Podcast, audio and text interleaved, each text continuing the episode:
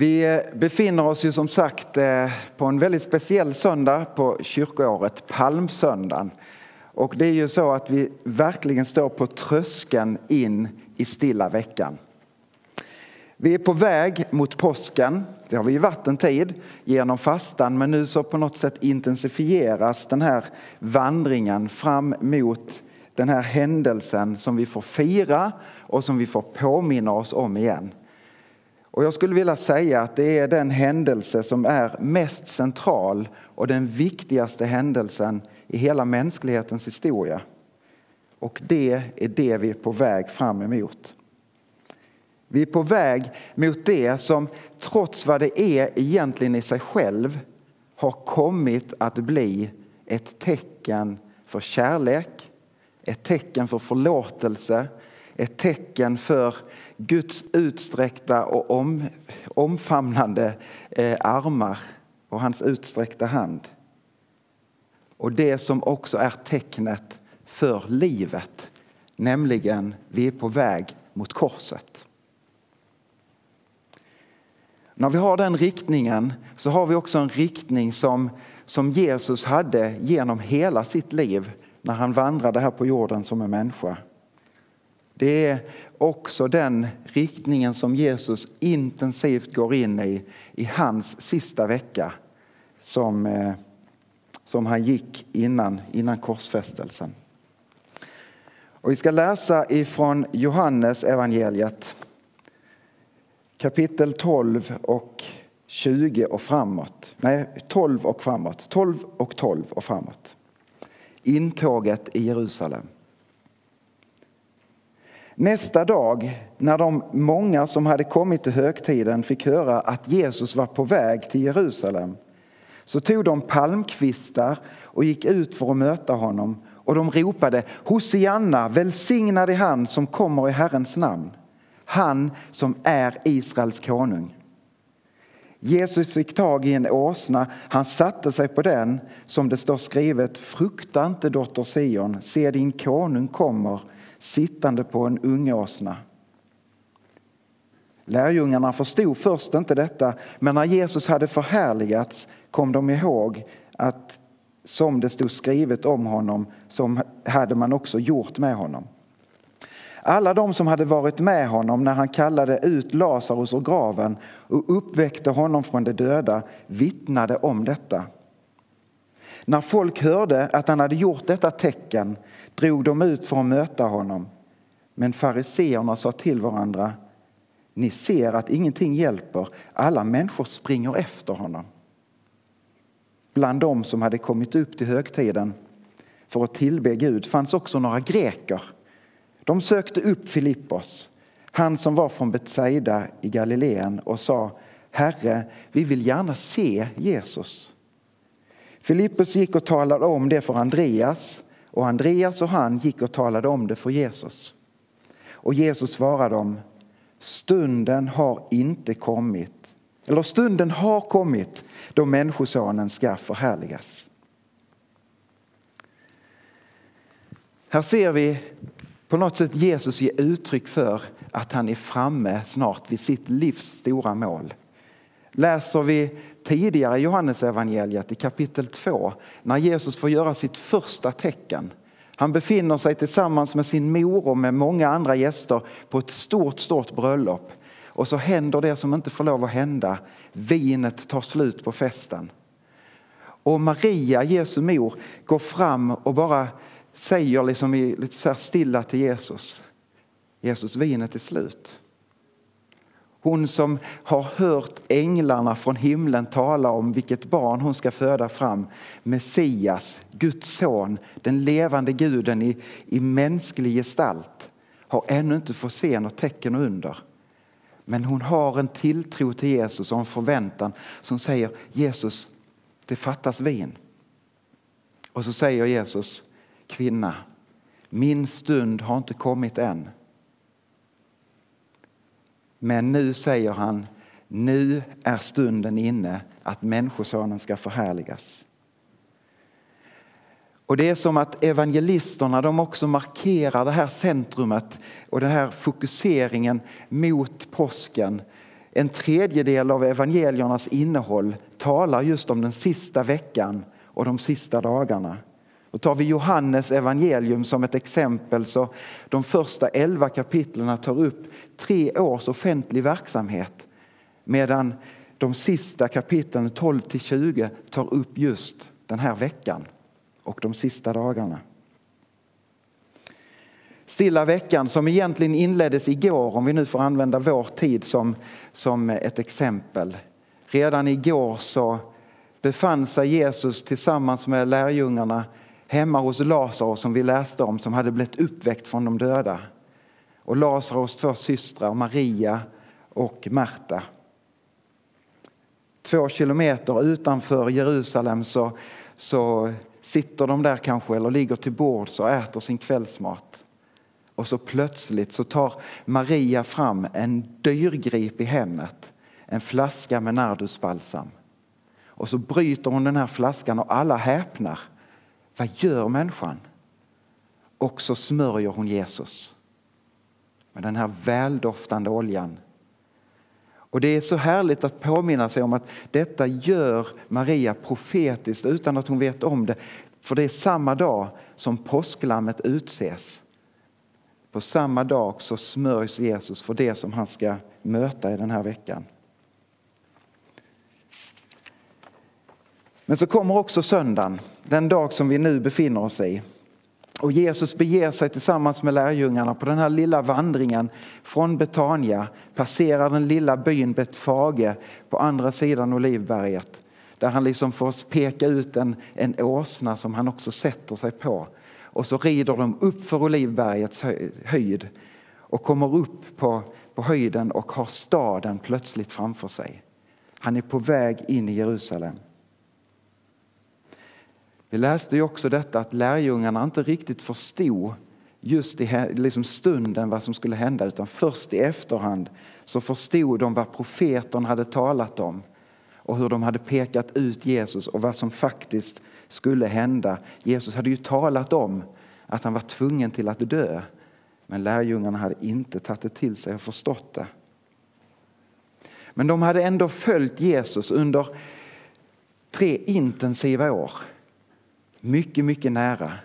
De hade fått se hur människor hade blivit förvandlade. De fick se hur, hur människor blev helade och upprättade.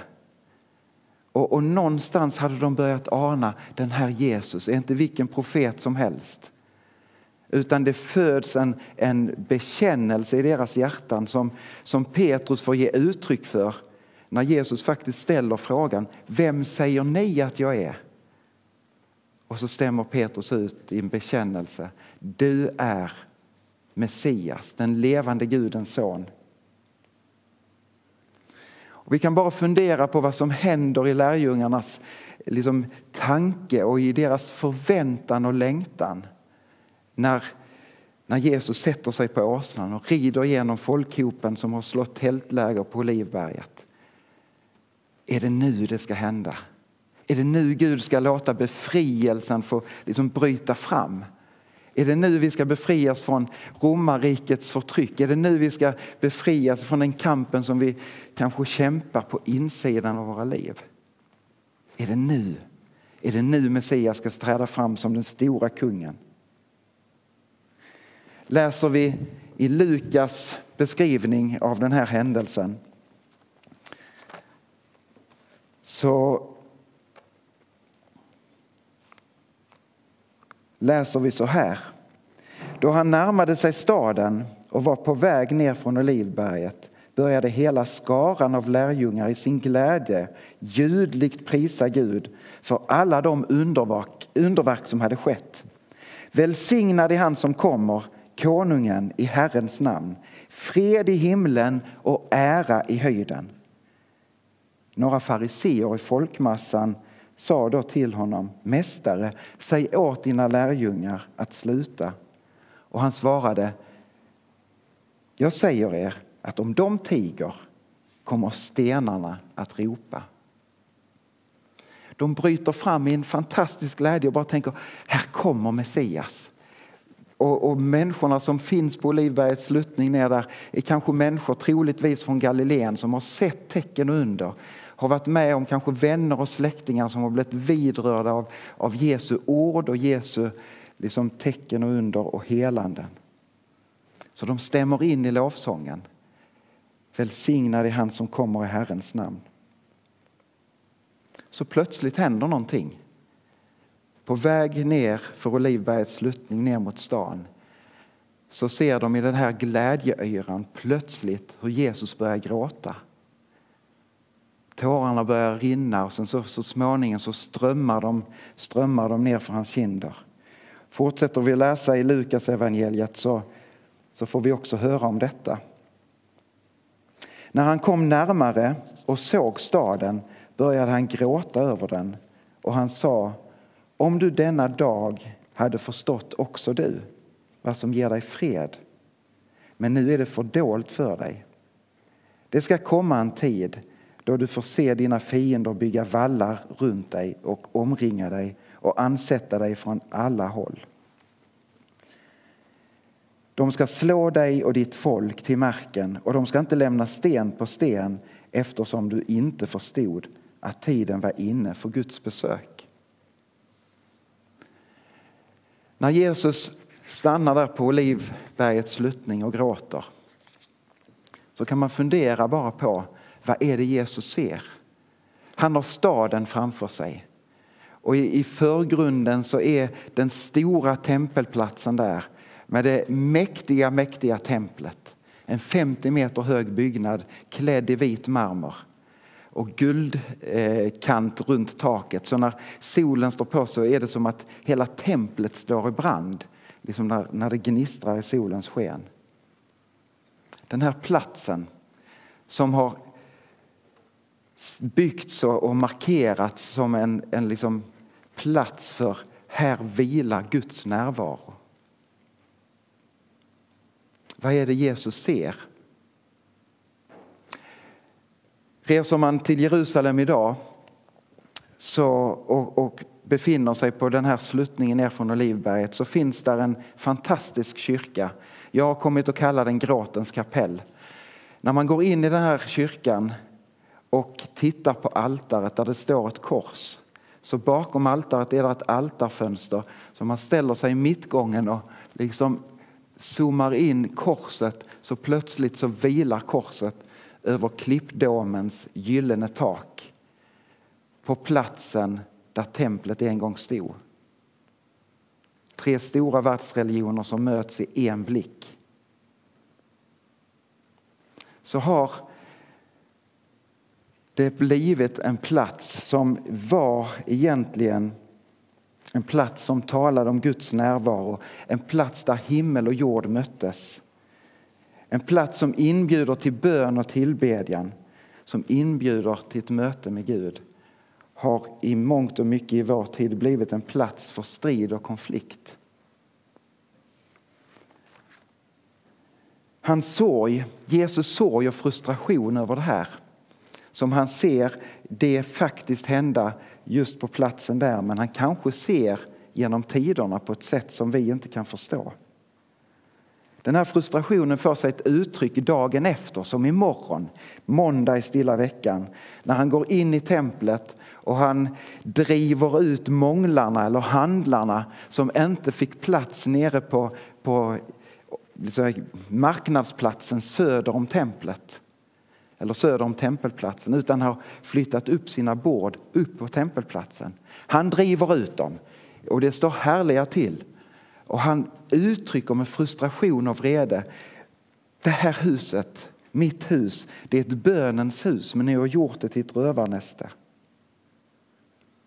Och trots att Jesus ser detta, eller kanske rättare sagt på grund av att han ser just detta så väljer Jesus att rida in i staden.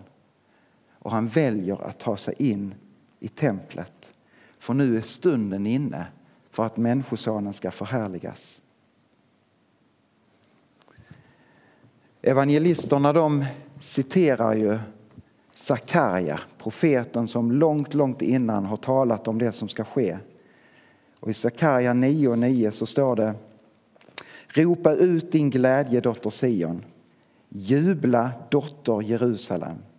Se, din konung kommer till dig. Rättfärdig är han, seger är honom given. I ringhet kommer han ridande på en åsna, på en ung åsnehingst. Och han kommer med budskapet om fred. Så gjorde ju kungarna på den här tiden. När de kom för att liksom strida då satte de sig på en stor, stor, stor häst. Men när han kommer med besked om fred så kunde man sätta sig på en åsna. Kanske det är det som också lärjungarna anar. Här kommer fridens furste och rider in. Jesus han tar sig in på palmsöndagen, troligtvis genom den norra porten, Benjaminporten. Den som också kallas fårporten. Den porten där man ledde in offerlammen in på tempelplatsen. Och nu stiger Jesus, kanske genom den här porten.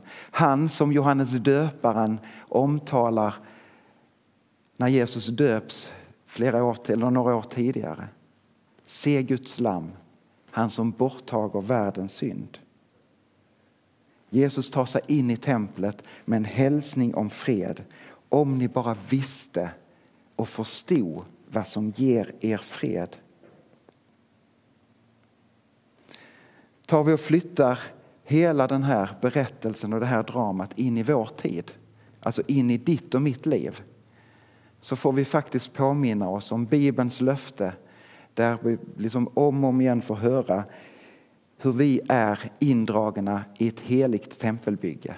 Du är i tron på Jesus Kristus en levande sten i ett heligt tempelbygge.